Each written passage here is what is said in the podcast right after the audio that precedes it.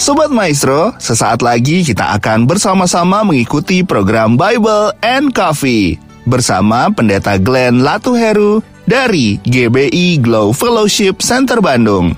Selamat mendengarkan.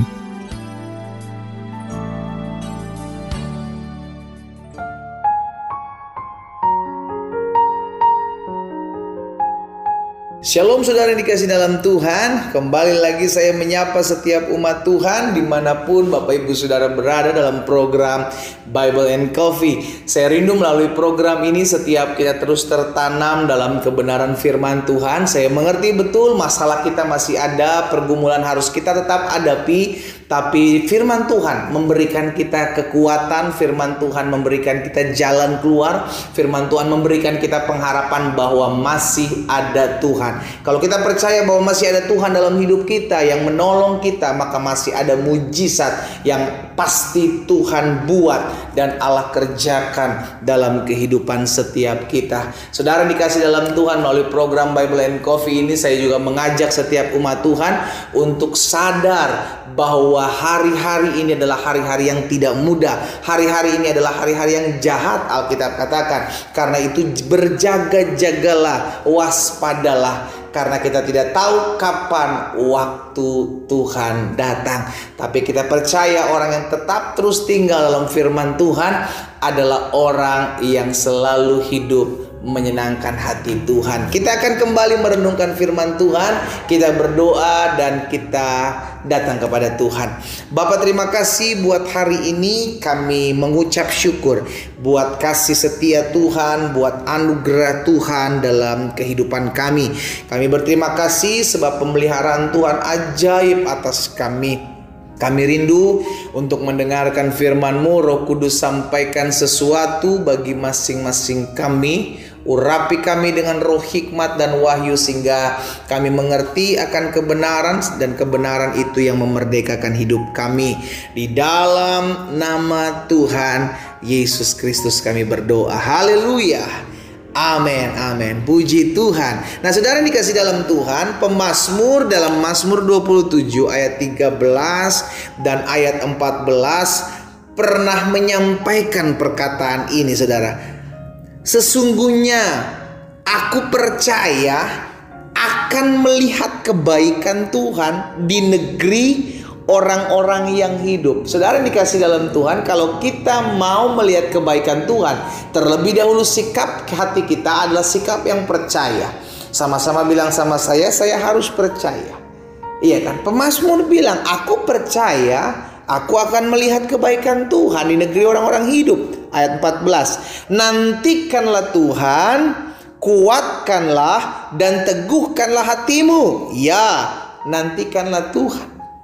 Maksudnya apa? Pemasmur belum melihat apa yang hari-hari ini dinantikan oleh dia. Itu sebabnya dia percaya akan melihat. Belum dia terima, belum dia lihat, tapi dia percaya. Ah, inilah sikap orang percaya yang seharusnya kita pegang, yang harusnya kita lakukan dalam keseharian kita.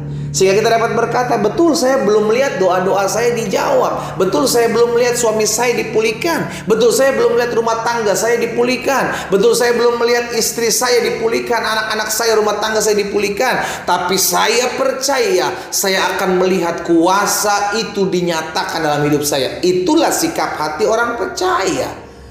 Amin. Itu sebabnya pemazmur bilang, nantikanlah Tuhan. Lihat saudara, dalam kita menjalani hidup ini kita belum melihat apa yang kita doakan, tapi kita percaya apa yang kita doakan kita terima. Makanya Tuhan Yesus bilang, apa pun juga yang kamu minta dan doakan, percayalah bahwa kamu telah menerimanya, maka hal itu akan diberikan kepadamu. Amin. Kita belum melihat, tapi kita dituntut untuk percaya. Wow, Benarlah apa yang dikatakan Rasul Paulus, kita hidup bukan karena melihat, kita hidup karena percaya. Kita melihat belum, tapi kita percaya kita akan melihat. Ini dahsyat saudara, ini kunci untuk kita melihat hal-hal yang ajaib Tuhan nyatakan dalam hidup kita. Ya nantikanlah Tuhan, kuatkanlah dan teguhkanlah hatimu. Kenapa pemazmur katakan kuatkan dan teguhkan hatimu agar kita tidak tawar hati ketika kita melihat keadaan yang terjadi tidak sesuai dengan apa yang kita hadapi, apa yang kita rindukan. Karena sering kali kita doakan yang terjadi kok nggak sesuai dengan apa yang kita inginkan. Kita berdoa buat hal-hal yang kita rindukan terjadi, tapi justru yang terjadi tidak sesuai dengan apa yang kita doakan. Nah hal ini yang sering kali membuat anak-anak Tuhan akhirnya kecewa. Ah capek lah saya berdoa. Buat apa saya berdoa saya sampai sekarang gak melihat Tuhan sembuhkan saya. Pendeta capek lah saya berdoa sampai sekarang saya gak lihat mujizat loh. Kalau kita berdoa terus langsung kita lihat mujizat ya kita nggak berdoa lagi itu sebabnya kenapa ada proses. Agar apa? Agar kita setia. Ketika kita diproses, kita menunggu dan menantikan Tuhan. Ah, pemazmur bilang, kuatkanlah dan teguhkanlah hatimu.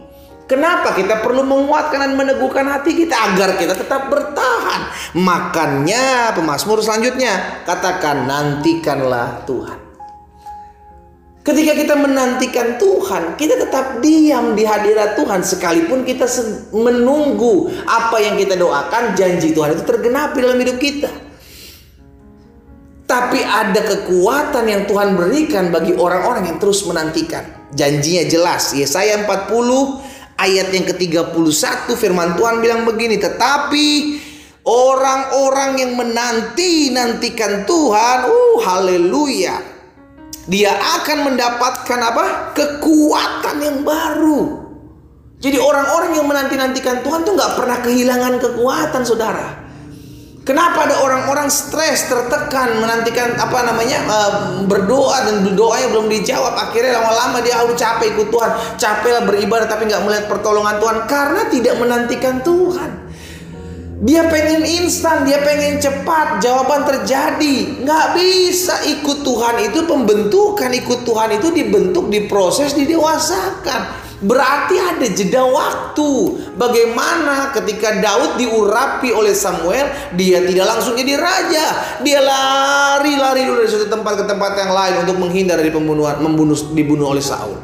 Bagaimana Yusuf dijanjikan sesuatu oleh Tuhan tapi tidak langsung terjadi dia harus dulu dimusuhi oleh saudara-saudaranya dia harus dulu dijual sebagai seorang budak dia harus difitnah dulu masuk penjara dulu baru setelah itu dipromosikan Tuhan ada jeda waktu di mana kita melihat tuh pertolongan Tuhan itu sebabnya orang yang menanti-nantikan Tuhan akan mendapatkan kekuatan yang baru. Orang yang menantikan Tuhan, Tuhan sendiri yang kasih kekuatan. Untuk apa? Untuk tetap setia mengiring Tuhan. Dikasih kekuatan untuk tetap setia menantikan janji Tuhan. Ia akan mendapatkan kekuatan yang baru. Mereka seumpama raja wali yang naik terbang dengan kekuatan sayapnya. Mereka berlari tidak menjadi lesuh. Mereka berjalan dan tidak menjadi lelah. Tidak ada capeknya untuk ikut Tuhan. Tidak ada lelahnya untuk melayani Tuhan. Kenapa? Karena Tuhan yang berikan kekuatan. Tuhan yang berikan kesanggupan. Sekalipun kita belum melihat Sekalipun kita masih ada dalam tahapan menantikan, tetaplah setia menantikan Tuhan. Engkau yang menantikan kesembuhan hari-hari ini, tetaplah setia menantikan Tuhan. Engkau pasti disembuhkan, asalkan engkau percaya.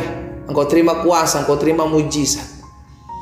Tapi tetaplah menantikan Tuhan. Engkau yang rindu menantikan rumah tanggamu dipulihkan, tetap nantikan Tuhan.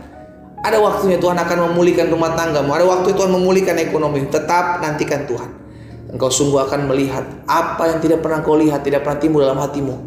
Itu yang Allah sediakan bagimu. Tetap nantikan Tuhan. Kita berdoa. Kita datang kepada Tuhan. Bapak terima kasih buat firman-Mu. Materaikan firman-Mu dalam hati kami. Tolong kami untuk kami selalu menanti-nantikan Tuhan dan percaya bahwa apa yang Tuhan buat, apa yang Tuhan kerjakan pasti terjadi dalam hidup kami. Tugas kami adalah setia. Tugas kami adalah berharap. Tugas kami adalah tetap mengiring Tuhan. Dan kami harus menantikan Tuhan. Kami akan melihat perkara dahsyat dinyatakan dalam hidup kami. Demi nama Yesus kami berdoa dan bersyukur. Haleluya. Amin.